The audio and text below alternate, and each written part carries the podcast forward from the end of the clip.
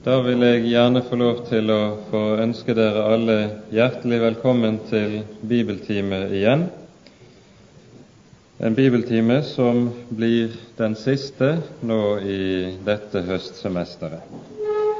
Og Det vi skal ha for oss i dag, det er andre kongeboks 11., 12., 13. kapittel, beretningen om det som utspant seg i Sydriket samtidig med de begivenhetene vi stanset opp for i Nordriket sist gang.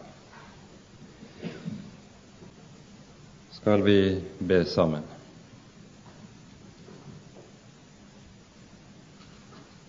Kjære gode Herre og Hellige Far. Vi takker og lover deg at vi skal få lov til å komme sammen i ditt navn og om ditt ord på ny. Takk, Herre, at vi skal få lov til å regne med at det er du selv som vil møte oss gjennom dine ord. Det er du selv som søker å få oss i tale. Nå ber vi, Herre, at du vil komme å være til stede med din Hellige Ånd, og at du vil tale slik og gi oss slikt lys i ordet ditt, som også kan gi lys inn over vår egen tid og våre egne liv. Kom, Herre, du, og vær med min munn og min tanke at det som er av deg, får lyde. I Jesu navn. Amen.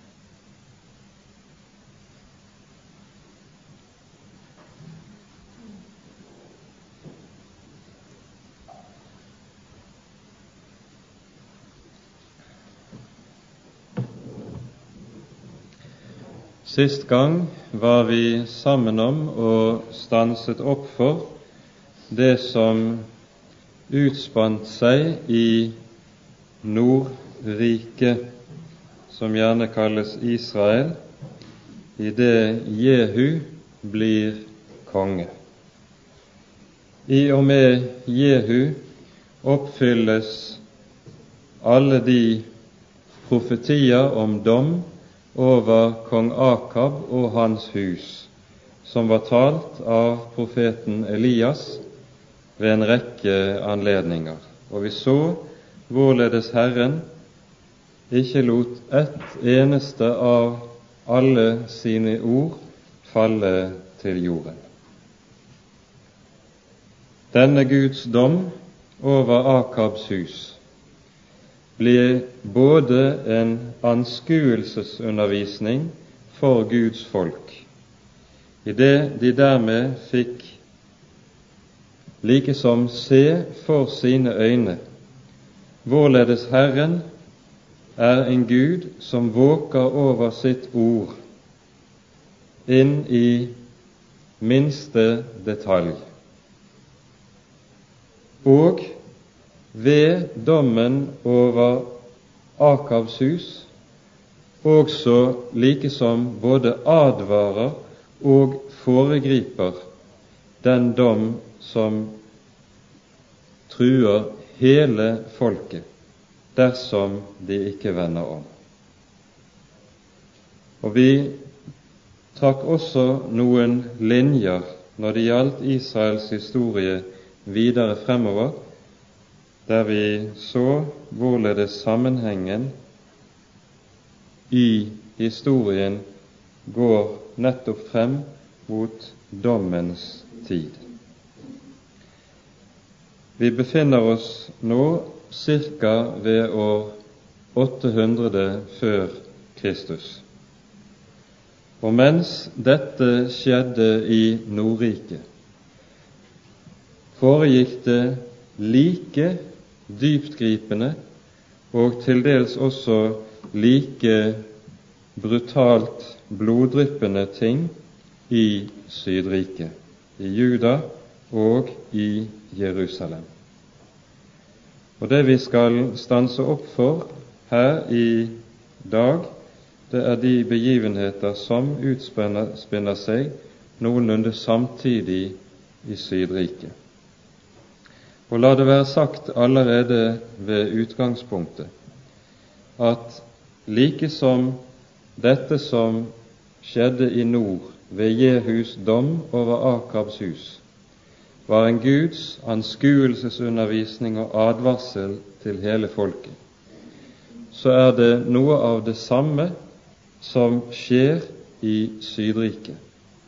Og jeg tror vi har lov til å si at her, ved disse begivenheter som skjer omtrent samtidig, griper Gud inn for siste gang, og like som taler klart og tydelig til advarsel til sitt folk for siste gang før frafallet virkelig begynner å renne nedover bakken. Så dette er så å si Guds siste inngripen for å søke å stanse den dom som truer sitt folk. Og det gjelder både i nord og i syd. Når vi går inn i annen kongeboks ellevte kapittel, så går vi inn i den tid da Jehu hadde kommet til makten. Og som dere vil huske, utryddet ikke Jehu bare Akabs sønn Joram, men også kong, Ata, kong Akasha som var på besøk hos Joram i Nordriket i anledning at de hadde vært i felten sammen i krigen mot syrerne.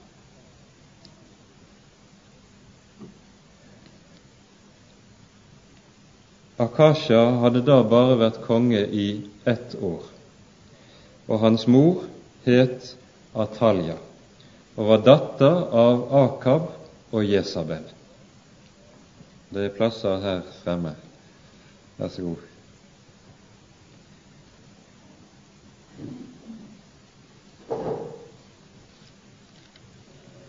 Og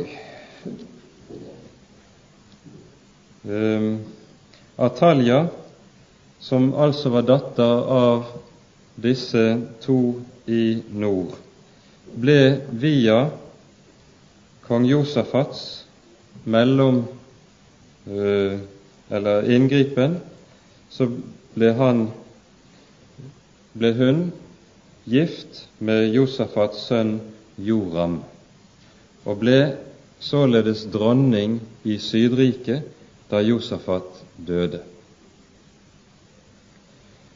Og Ataljas innflytelse er nøyaktig lik Jesabels innflytelse i nord og denne viser seg nokså raskt etter at den gudfryktige kong Josafat er død.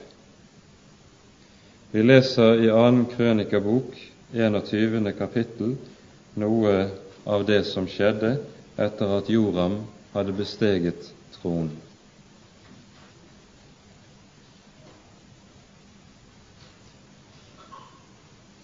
Josafat la seg til hvile hos sine fedre og ble begravet hos sine fedre i Davids stad, og hans sønn Joram ble konge i hans sted. Han hadde flere brødre, sønner av Josafat.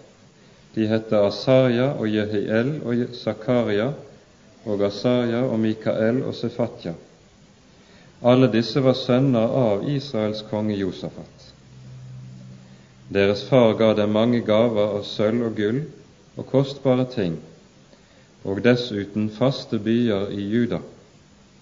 Men kongedømmet ga han til Joram, for han var den førstefødte.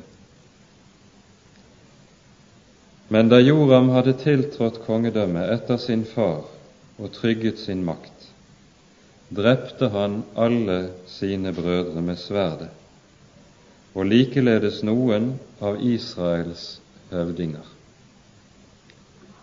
Og her ser vi Atalja vise sitt sanne ansikt og begynne å øve sin innflytelse. Den ånd som hadde behersket Israel i nord, har nå kommet inn i syd. Og det som lå bak, var kong Josafats helt fatale feilgrep. Dere vil huske hvorledes vi hører om i første kongeboks 22. kapittel at han dro i felten sammen med kong Akab. Han søkte å trygge sin politiske makt gjennom å inngå politisk allianse med Akab. Sammen skulle de kunne møte både fienden fra nord, syrerne, og samtidig stå sterkt også mot de herjende nomadefolkene som kom østfra, beduinflokker som stadig var en trussel på østgrensen. Gjennom en slik politisk og militær allianse ville han sikre seg, og så beseglet de alliansen med dette ekteskapet. Joram fikk Atalia til hustru. Det er også mulig at Josafat hadde en annen baktanke med denne alliansen, nemlig den å søke å overvinne splittelsen mellom Nordriket og Sydriket som var kommet etter Salomos død, slik at hele tolvstammefolket, hele Guds folk, atter kunne forenes under én konge, under Davids trone. Det er altså mulig at slike forhåpninger også har gjort seg gjeldende hos Josafat.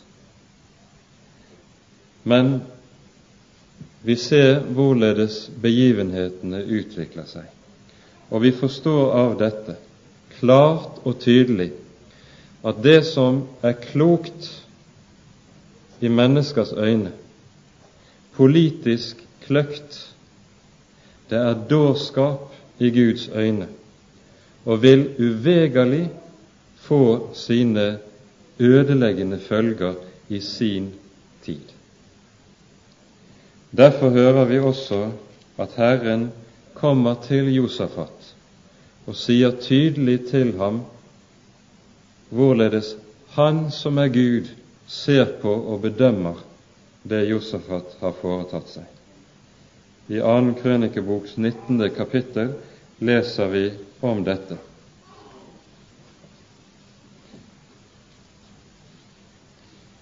I vers 2 står det slik Da gikk seeren Jehu, Hananis sønn, ut imot ham, og han sa til kong Josafat, skal en hjelpe den ugudelige? og skal du elske dem som hater Herren, for dette hviler det vrede over deg fra Herren. Dog er det òg funnet noe godt hos deg, for du har utryddet av startebildene av landet og vendt ditt hjerte til å søke Gud. Hvilke overveielser som har ligget bak at Josafat har gjort det han har gjort, vet vi altså ikke stort om. Om det tier Bibelen. Det er mulig at han rett og slett har tenkt slik at det som har med troens liv å gjøre, det hører til, så å si, den religiøse sfære, mens når det gjelder den politiske hverdag, da må man bruke sin forstand og sin fornuft som best man kan. Men her taler altså Herren meget tydelig og meget klart. Skal en hjelpe den ugudelige, og skal du elske dem som hater Herren. Og i dette ligger der en grunnleggende og alvorlig advarsel til Guds folk gjennom alle tider for også dette er skrevet som advarsel til oss, som forbilde for oss til hvem de siste tider er kommet. For når det gjelder Guds folk, dets liv og dets gjerning, så det alltid tale om det som er, er ånd og er av ånd. Og skal man søke enhet, så skal den enheten alltid være en åndelig enhet. Søker man i stedet å lage annen slags enhet, som ikke er åndelig, da får man en kjødelig enhet, og den kjødelige enhet vil alltid Det viser hele Det gamle testamentets historie. Den vil alltid vise seg å være ødeleggende nettopp for Guds folks liv og det åndelige liv. Det er fortellingen om Jorah, Joram og hans sønn Joas som kommer etter, et avskrekkende eksempel på. Åndens enhet, hva er så det? Det er enhet i troen, enhet i læren, samstemmighet om Guds ord. Det er Åndens enhet. Og den enhet er noe vi som Guds folk skal være meget nøye med å ta vare på. For det gjelder denne lov i Guds rike at styrken ligger ikke i samhold. Styrken ligger i den enhet som er av Guds ånd. Det er ikke spørsmål om samhold, men hvem man er ett med, hvem man er sammen med. Derfor gjelder det aldri for Guds folk, enten det nå handler om den gamle pakt eller om den nye pakt.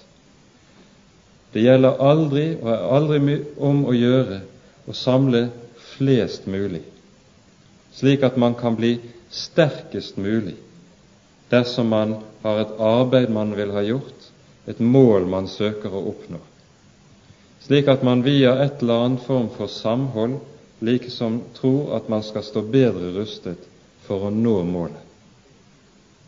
Tvert om kan det vise seg at den slags kjødelig samhold nettopp fører til at man ikke når de åndelige mål man hadde satt seg. Derfor finner vi i en annen sammenheng i Den hellige Skrift et forbilde på hvorledes Guds folk skal stille seg i slike spørsmål etter at Guds folk er kommet tilbake fra eksilet, landflyktigheten i Babylon, så arbeider de på å gjenreise byen Jerusalem under ledelse av Nehemia. Og så prøver først samaritanene og andre folkeslag som da bodde i området, å hindre arbeidet. Og når de ser at de ikke lykkes i å hindre det, sender de en forespørsel om ikke de også kan få være med og hjelpe til å bygge på byen. De aller fleste ville i dag, kristne ville i dag sagt ja og ønsket den slags hjelp velkommen. For da ville jo gjenreisningen gått så meget fortere. Men Nehemia sier nei fordi de ikke var av samme ånd. Og derfor ville det å gå sammen heller ført til ødeleggelse enn gjenreisning, fornyelse og konsolidering.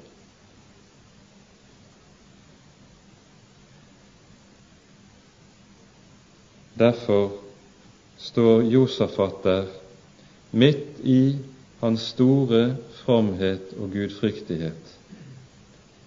Dog som et advarende eksempel for oss i dette at verken snillhet, politisk kløkt eller andre overveielser skal eller må få Guds folk til å gå inn i allianser der en ikke er ett i ånd og sannhet. Og dette er avgjørende. Paulus minner oss mer prinsipielt om dette i 2. Korinterbrevs sjette kapittel. Og La oss ganske kort lese disse versene før vi går videre.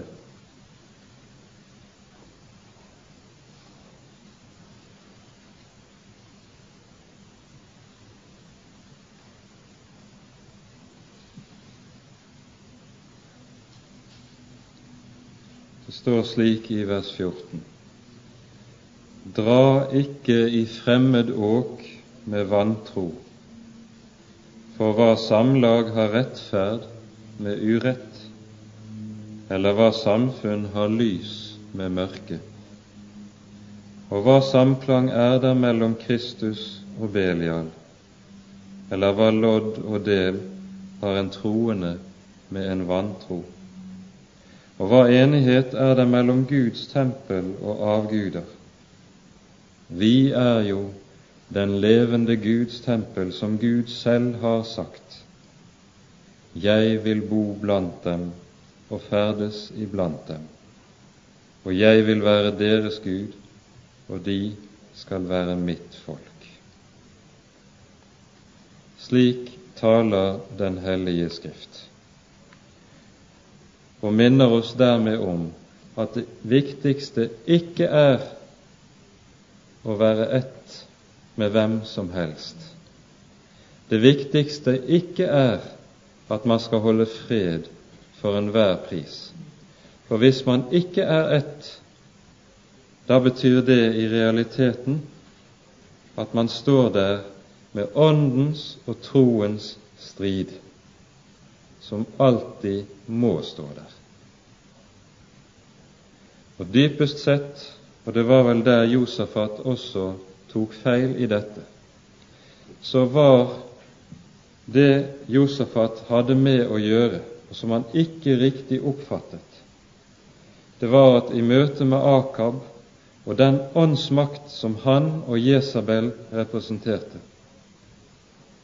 så var det en uforlikelig åndskamp der det som er av Gud, verken kan slutte fred, ja, selv ikke våpenhvile, med det onde.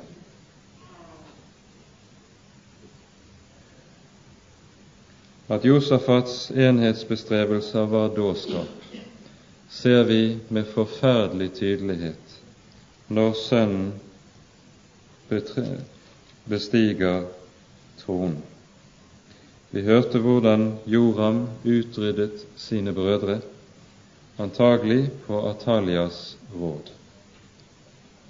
Og når Joram dør, en ulykkelig død, og sønnen Akasha kommer på tronen, dog bare for ett år før han myrdes av Jehu, så griper Atalia som dronningmoren makten.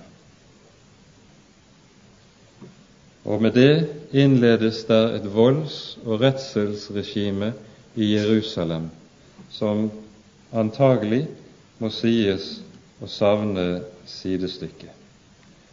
Og Da leser vi fra andre kongeboks ellevte kapittel.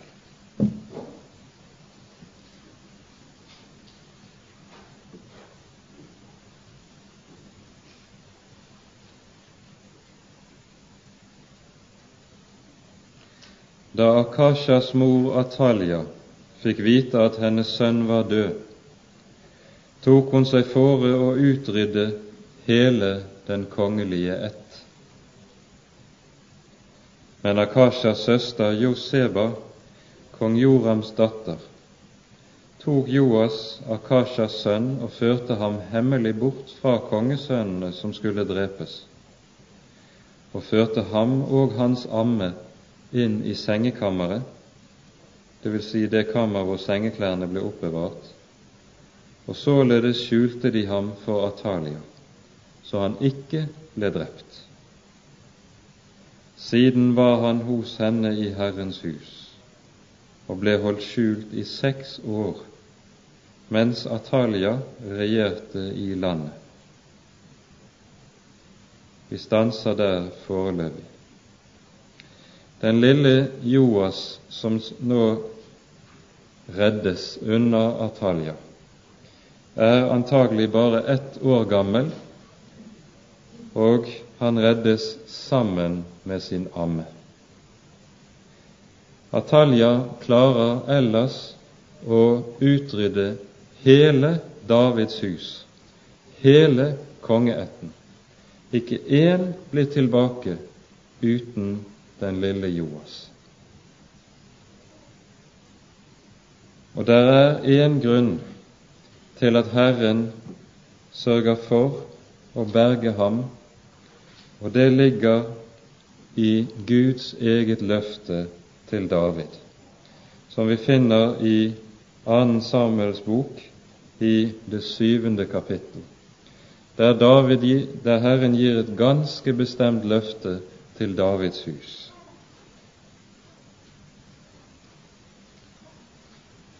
Det står slik i vers 12 og vers 13 i 2. Samuel 7. Når dine dagers tall er fullt, og du hviler hos dine fedre, da vil jeg etter deg oppreise din sønn, som skal utgå av ditt liv, og jeg vil grunnfeste hans kongedømme. Han skal bygge et hus for mitt navn, og jeg vil trygge hans kongetrone til evig tid. Og i vers 16.: Fast skal ditt hus og ditt kongedømme stå til evig tid for ditt åsyn. Din trone skal være grunnfestet til evig tid. Her gir Herren altså et klart og tydelig løfte om at Davids hus skal bevare kongedømmet gjennom alle tider, inntil Han kommer, hvem riket tilhører, han som er den egentlige Davids sønn, og som denne profetien dypest sett skuer frem imot. Og Senere i kongebøkene hører vi at Herren så å si peker på dette løftet ved flere anledninger. I 2. kongeboks 8. kapittel, vers 19, leser vi slik.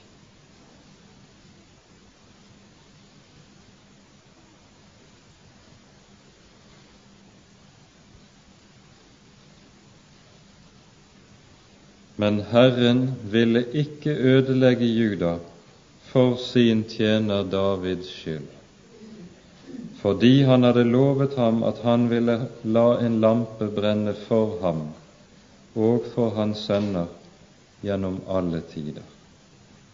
Et ord som nettopp sies i forbindelse med Jorams tronbestigelse og forsøk på å utrydde de øvrige Davids ettlingene. Herren vil holde sitt løfte. Og Derfor vernes også lille Joas. Og Det det handler om her, det er på ny åndskampen, og vi ser det langt, langt klarere.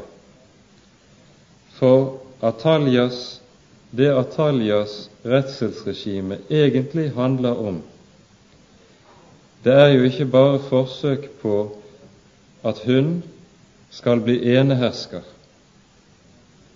men det er å utrydde hele den gamle kongeett, og dermed de til kongeætten forbundne løfter om frelse. Derfor er Atalias regime, en eneste sammenhengende kamp mot Israels tro og mot Israels Gud. Ja, det det handler om her, er åndskamp i ordets egentlige forstand. Og i dette stykket er Atalja av samme ånd som han vi senere møter utenfor Betlehem. Herodes, som vil slå alle guttebarna i hjel for å ramme Guds salvede. Hun er så å si Det gamle testamentets Herodes.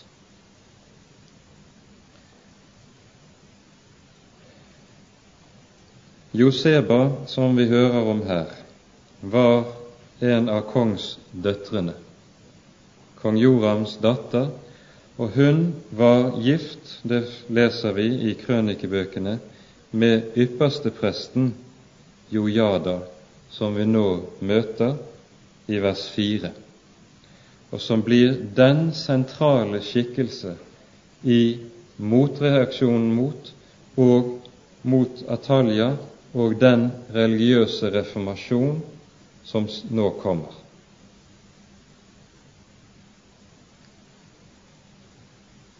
Fordi hun, vi hører her i vers 3, fordi hun var yppersteprestens kone, så kan Joas holdes skjult i tempelet, dvs. Si, vil ikke si at hun bokstavelig talt bodde i tempelet, men det var slik at yppersteprestens bolig lå opp til tempelmuren og ble regnet som en del av selve tempelkomplekset.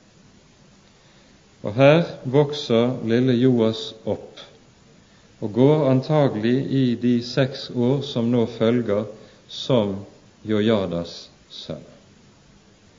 Det er eneste måten de har hatt mulighet for å kunne skjule hvem som egentlig vernes her i tempelet. Men så leser vi i vers 4. I det syvende år sendte Jojada bud etter livvaktens høvedsmenn og lot dem komme inn til seg i Herrens hus, og gjorde en pakt med dem og tok dem i ed der i Herrens hus og viste dem kongens sønn. Og han bød dem og sa:" Hør nå hva dere skal gjøre. Den ene tredjedel av dere skal tiltre vakten på sabbaten og holde vakt ved kongens hus. Den annen, annen tredjedel i surporten og den tredje tredjedel i porten bak drabantene. Således skal dere holde vakt ved huset og avstenge det. Men de to deler av dere, de som trer av på sabbaten, de skal holde vakt i Herrens hus hos kongen. Dere skal stille dere rundt omkring kongen, hver mann med våpen i hånd, og den som vil trenge inn i rekkene, skal drepes.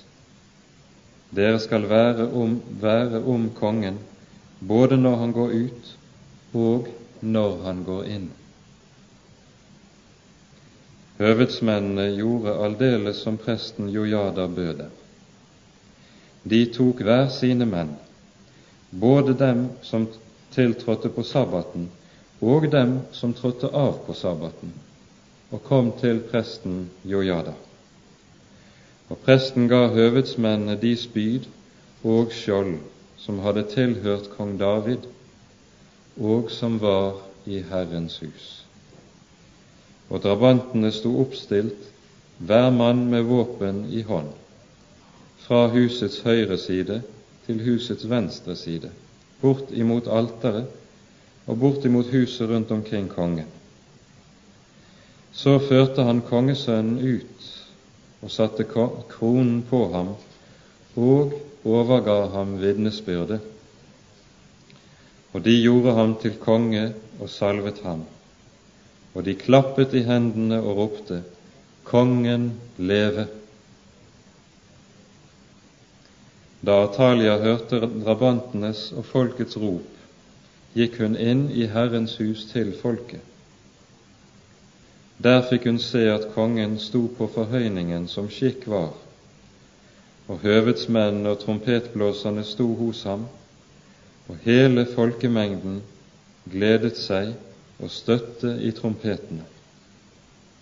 Da sønderrev Atalja sine klær og ropte:" Opprør! Opprør! Men presten Jojada bød høvedsmennene, dem som var satt over Herren, og sa til dem:" Før henne ut mellom rekkene, og om noen følger henne, så drep ham med sverd. For presten hadde sagt:" Hun må ikke drepes i Herrens hus.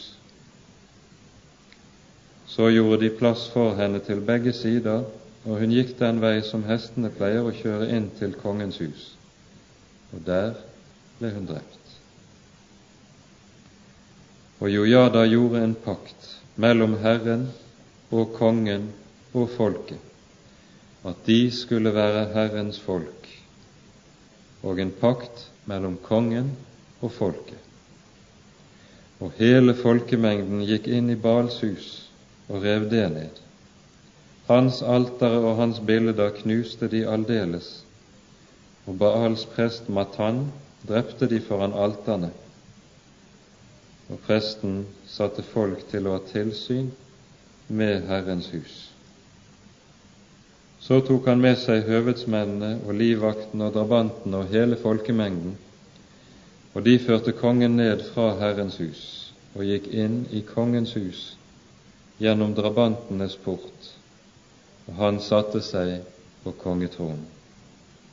Og hele folkemengden gledet seg, og byen var rolig. Men Natalia hadde de drept med sverd i kongens hus. Joas var syv år gammel da han ble konge.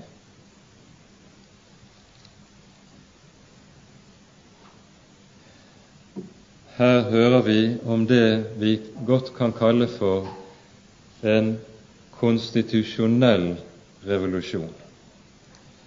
For det det i dypeste forstand handler om, er at det gamle kongedømmet, det av Gud gitte kongedømmet under Davids hus, gjenreises ved presten Jojadas inngripen. Jojada var ypperste prest i Jerusalem på denne tid. Og nå ser vi et trekk i kongebøkene som kommer til å vise seg stadig tydeligere og sterkere gjennom de to århundrer som følger. Det er at helligdommen i Jerusalem likesom blir kilden til fornyelse for folket. Mens det i Nordriket er profetembedet som står der som bolverk og vekkerrøst imot frafallet, så er det slik i Sydriket, i Juda, at der er det prestedømme, det av Gud innsatte aronittiske prestedømme, som har denne stilling. Og vi skal merke oss at dette er en gudgitt ordning. For vel var det profeter også i Sydriket, det skal vi få høre mer om. Men den ordinære undervisning av folket i Guds ord den var etter Moselov overgitt nettopp til prestene og levittene. De skulle forestå en alminnelig undervisning og oppdragelse i Guds ord. Fornyelsen kommer så å si fra Guds hus. Og senere utover i Judas historie ser vi og hører vi at en rekke av de profeter som oppstår, nettopp er prester. Vi kan regne opp en rekke av de. Esekiel var prest. Jeremias var prest.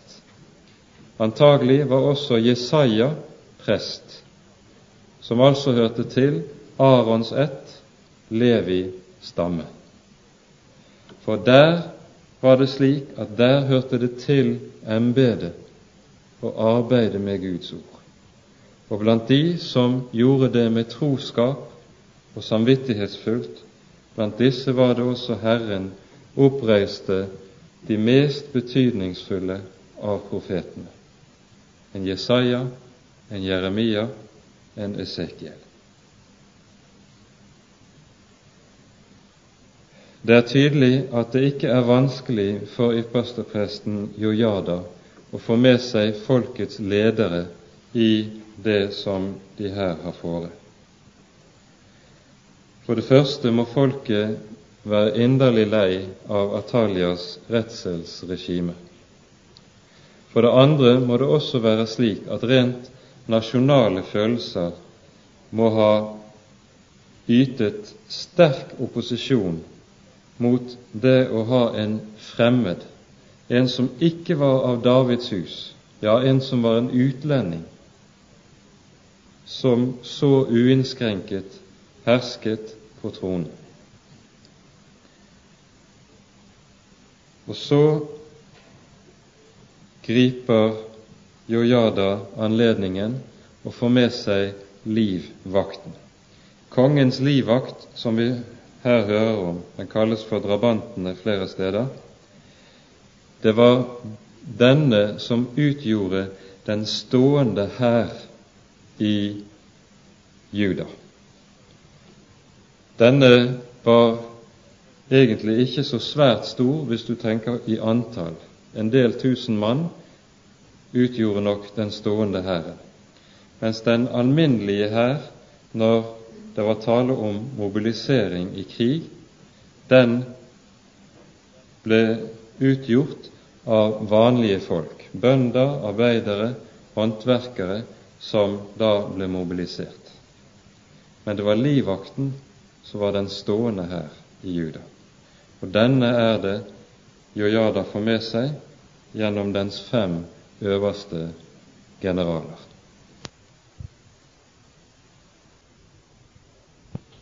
Et par detaljer i det vi her hører.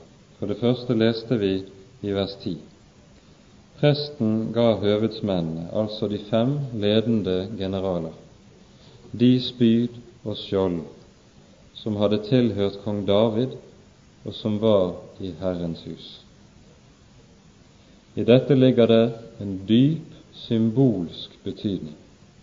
Det er nettopp Davids hus som skal gjenreises og gjeninnsettes på tronen. Og så er det så å si slik at de rette våpen til å kunne utføre denne gjerning finner de i Guds hus. Den rette rustning ligger der. Og så se, hører vi i vers 12 Det er tre akter som hører til innsettingen av den syv år gamle Joas på tronen. For det første kronesang. Han får Davids krone satt på sitt hode. For det andre blir han overgitt vitnesbyrdet. Det vil si, han blir overgitt kongeloven, den som vi finner i 5. Moseboks 17. kapittel, der Herren gir lover om hvorledes en, den konge han salver, skal føre sitt styre. Og Dermed settes også betingelsene for og det som er grunnlaget som hele kongedømmet hviler på han ble overgitt vitnesbyrdet. Kongedømmet hviler på Guds ord. For det tredje salves Joas. Vi hører ikke vanligvis om salving av kongene i Israel utenom når det taler om David og sønnen Salomo og her. Det er fordi den davidiske kongelinjen er brutt, vi nå igjen hører om salving av kongen, fordi man derved skal markere at nå gjenreises og gjeninnsettes det gudgitte kongedømmet. Så hører vi hvorledes dette går videre, og det ledsages av en reformasjon av folkets religiøse liv. Atalja hadde, sammen med at hun søkte å utrydde kongeætten, også villet gjøre Baals og astartedyrkelsen til riksreligion i Sydriket. Dertil var det reist et Baals-tempel med tilhørende prester. Dette rives nå over ende, og prestene utryddes. Hvorpå Joas tar på seg oppgaven å rense det gamle tempelet som nå hadde stått i forfall gjennom lengre tid, rense det, gjenreise det i dets gamle prakt og herlighet. Og nå hopper vi til annen krønikaboks 24. kapittel.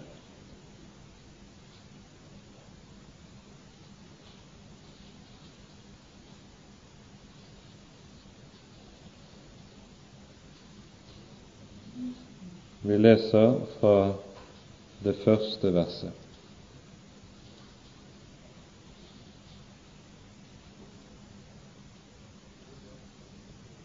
Joas var syv år gammel da han ble konge, og han regjerte 40 år i Jerusalem.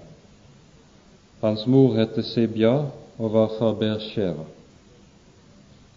Joas gjorde hva rett var i Herrens øyne, så lenge presten Jojada levet. Jojada lot ham få to hustruer, og han fikk sønner og døtre. Siden fikk Joas i sinne å sette Herrens hus i stand. Og så hører vi, karakteristisk for krønikebøkene, noe mer detaljert om hvorledes Herrens hus blir satt i stand og gjenreist. Og vi hopper til vers 14. Da de var ferdige, bar de resten av pengene til kongen og Jojada, og han lot gjøre regnskap derav til Herrens hus. Redskaper til tjenesten, ofringene og skåler og gullkar og sølvkar. Og de ofret stadig brennofferet i Herrens hus så lenge Jojada levet. Men Jojada ble gammel og mett av dager og døde. Han var 130 år gammel da han døde. De begravet ham i Davids stad hos kongene, fordi han hadde gjort vel mot Israel og mot Gud og hans hus. Men etter Jojadas død kom Judas høvdinger og kastet seg ned for kongen. Da ga kongen etter. Og det de ba om, var om tillatelse til å gjeninnføre Bals og astartedyrkelsen. Da ga kongen etter.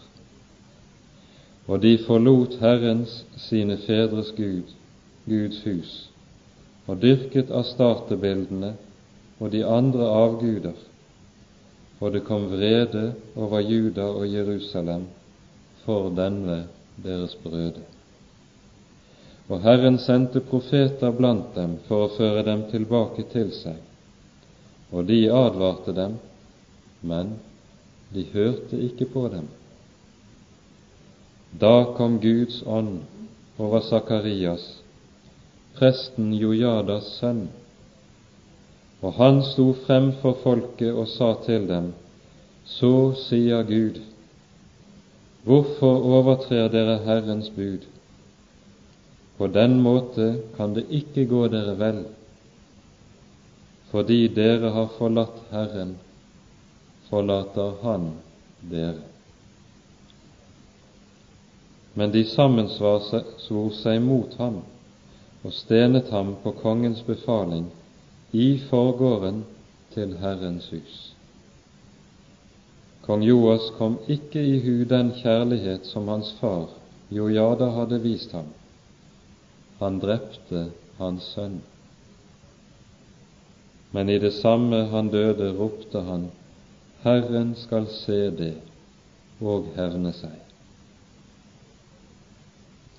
Så skjedde det da året var til ende, at syrernes hær dro opp imot ham. De kom til Juda og Jerusalem og utryddet alle høvdingene i folket, og sendte alt det hærfang de tok, til kongen i Damaskus. Syreherren som kom, var bare liten, men enda ga Herren en meget tallrik hær i deres hånd, fordi de hadde forlatt Herren, sine fedres Gud. Således fullbyrdet de straffedommen over Joas. Og da de dro bort fra ham, for de lot ham tilbake i svære lidelser, sammensvor hans tjenere seg mot ham, fordi han hadde drept presten Jojadas sønner, og de drepte ham på hans leie.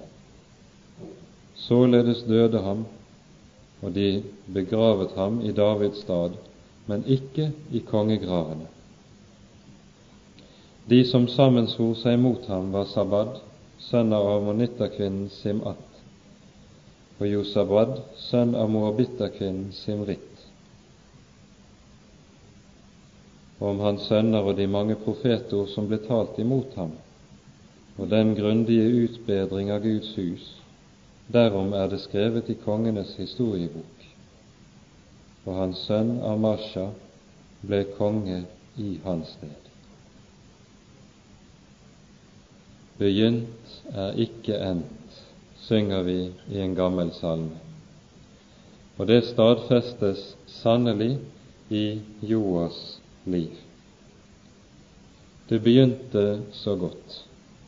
Han fikk tilskyndet av gamle Jojada lov til å bli et Guds redskap, både til å gjenreise Guds gjenreise kongedømmet i, i Jerusalem, og til å rense og gjenreise tempelet og gudsdyrkelsen der.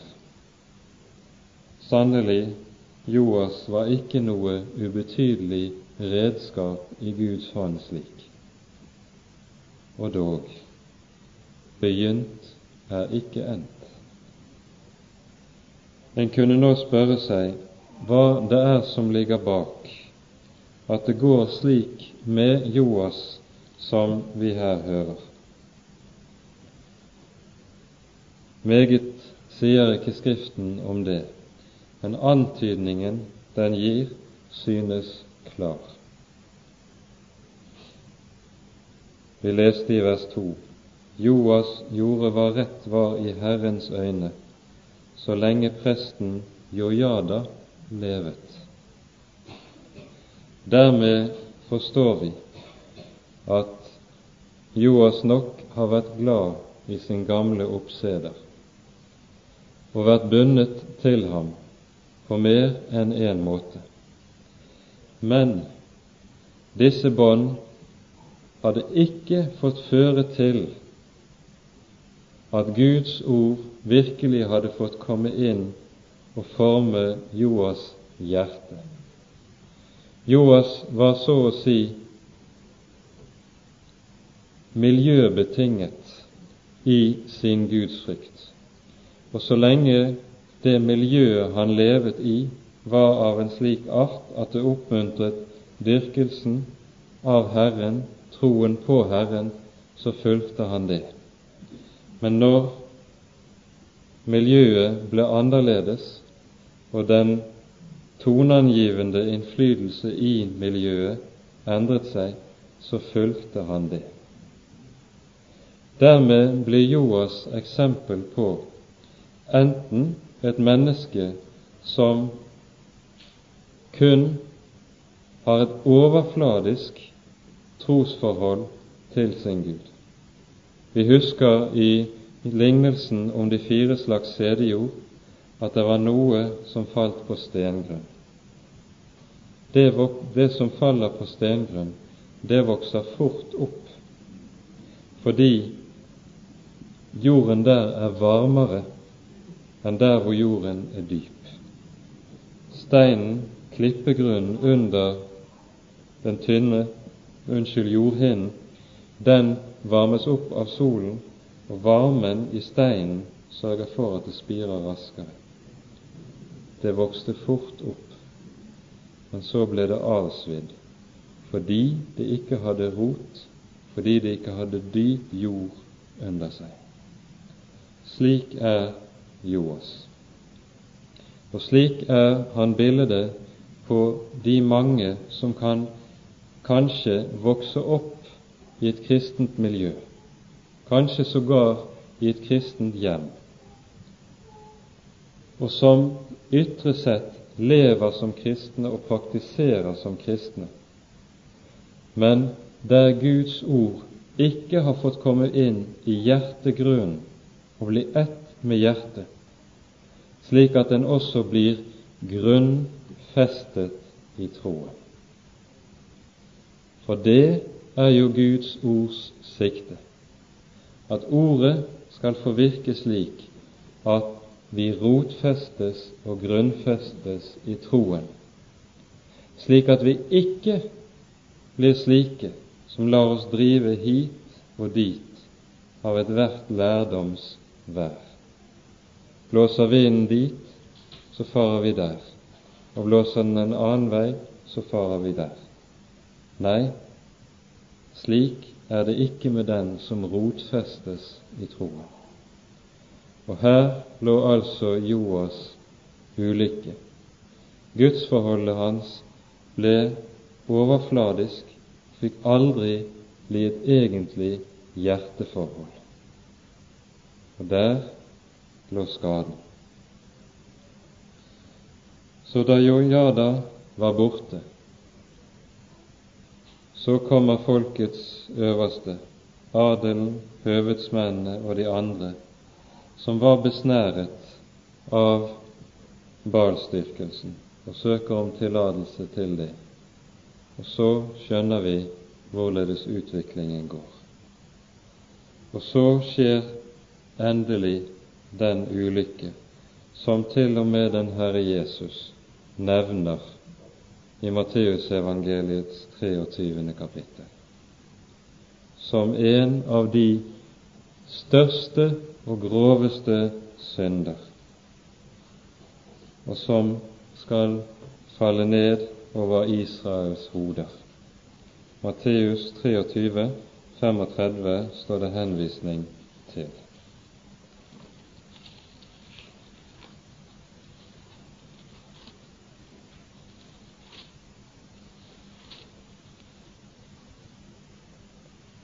Vi kan lese fra vers 34. Derfor se, jeg sender til dere profeter og vismenn og skriftlærde.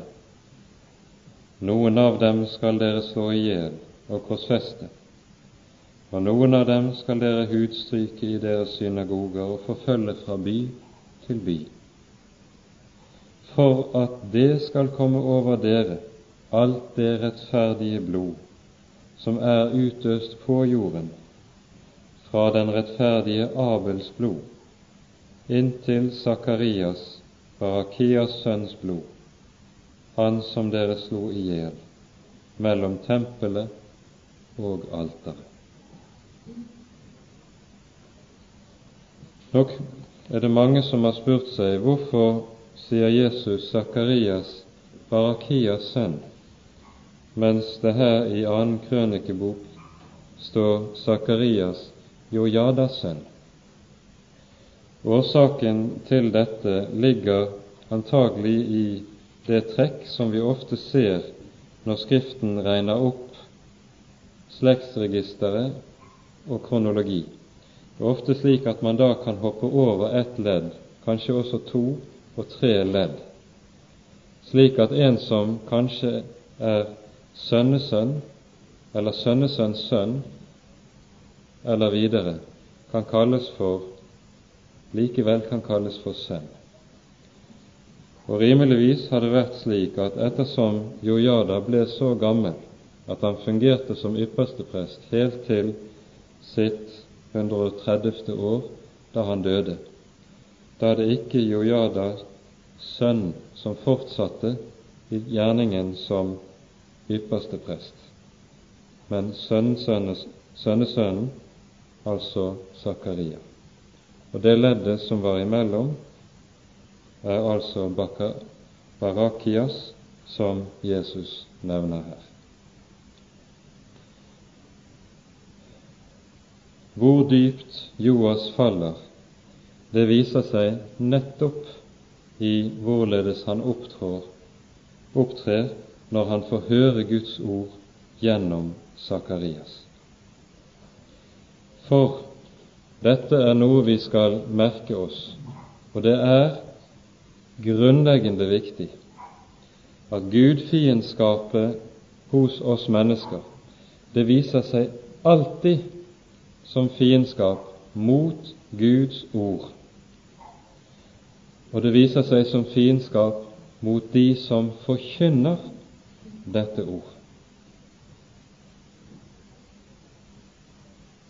I dette kaster Joas masken.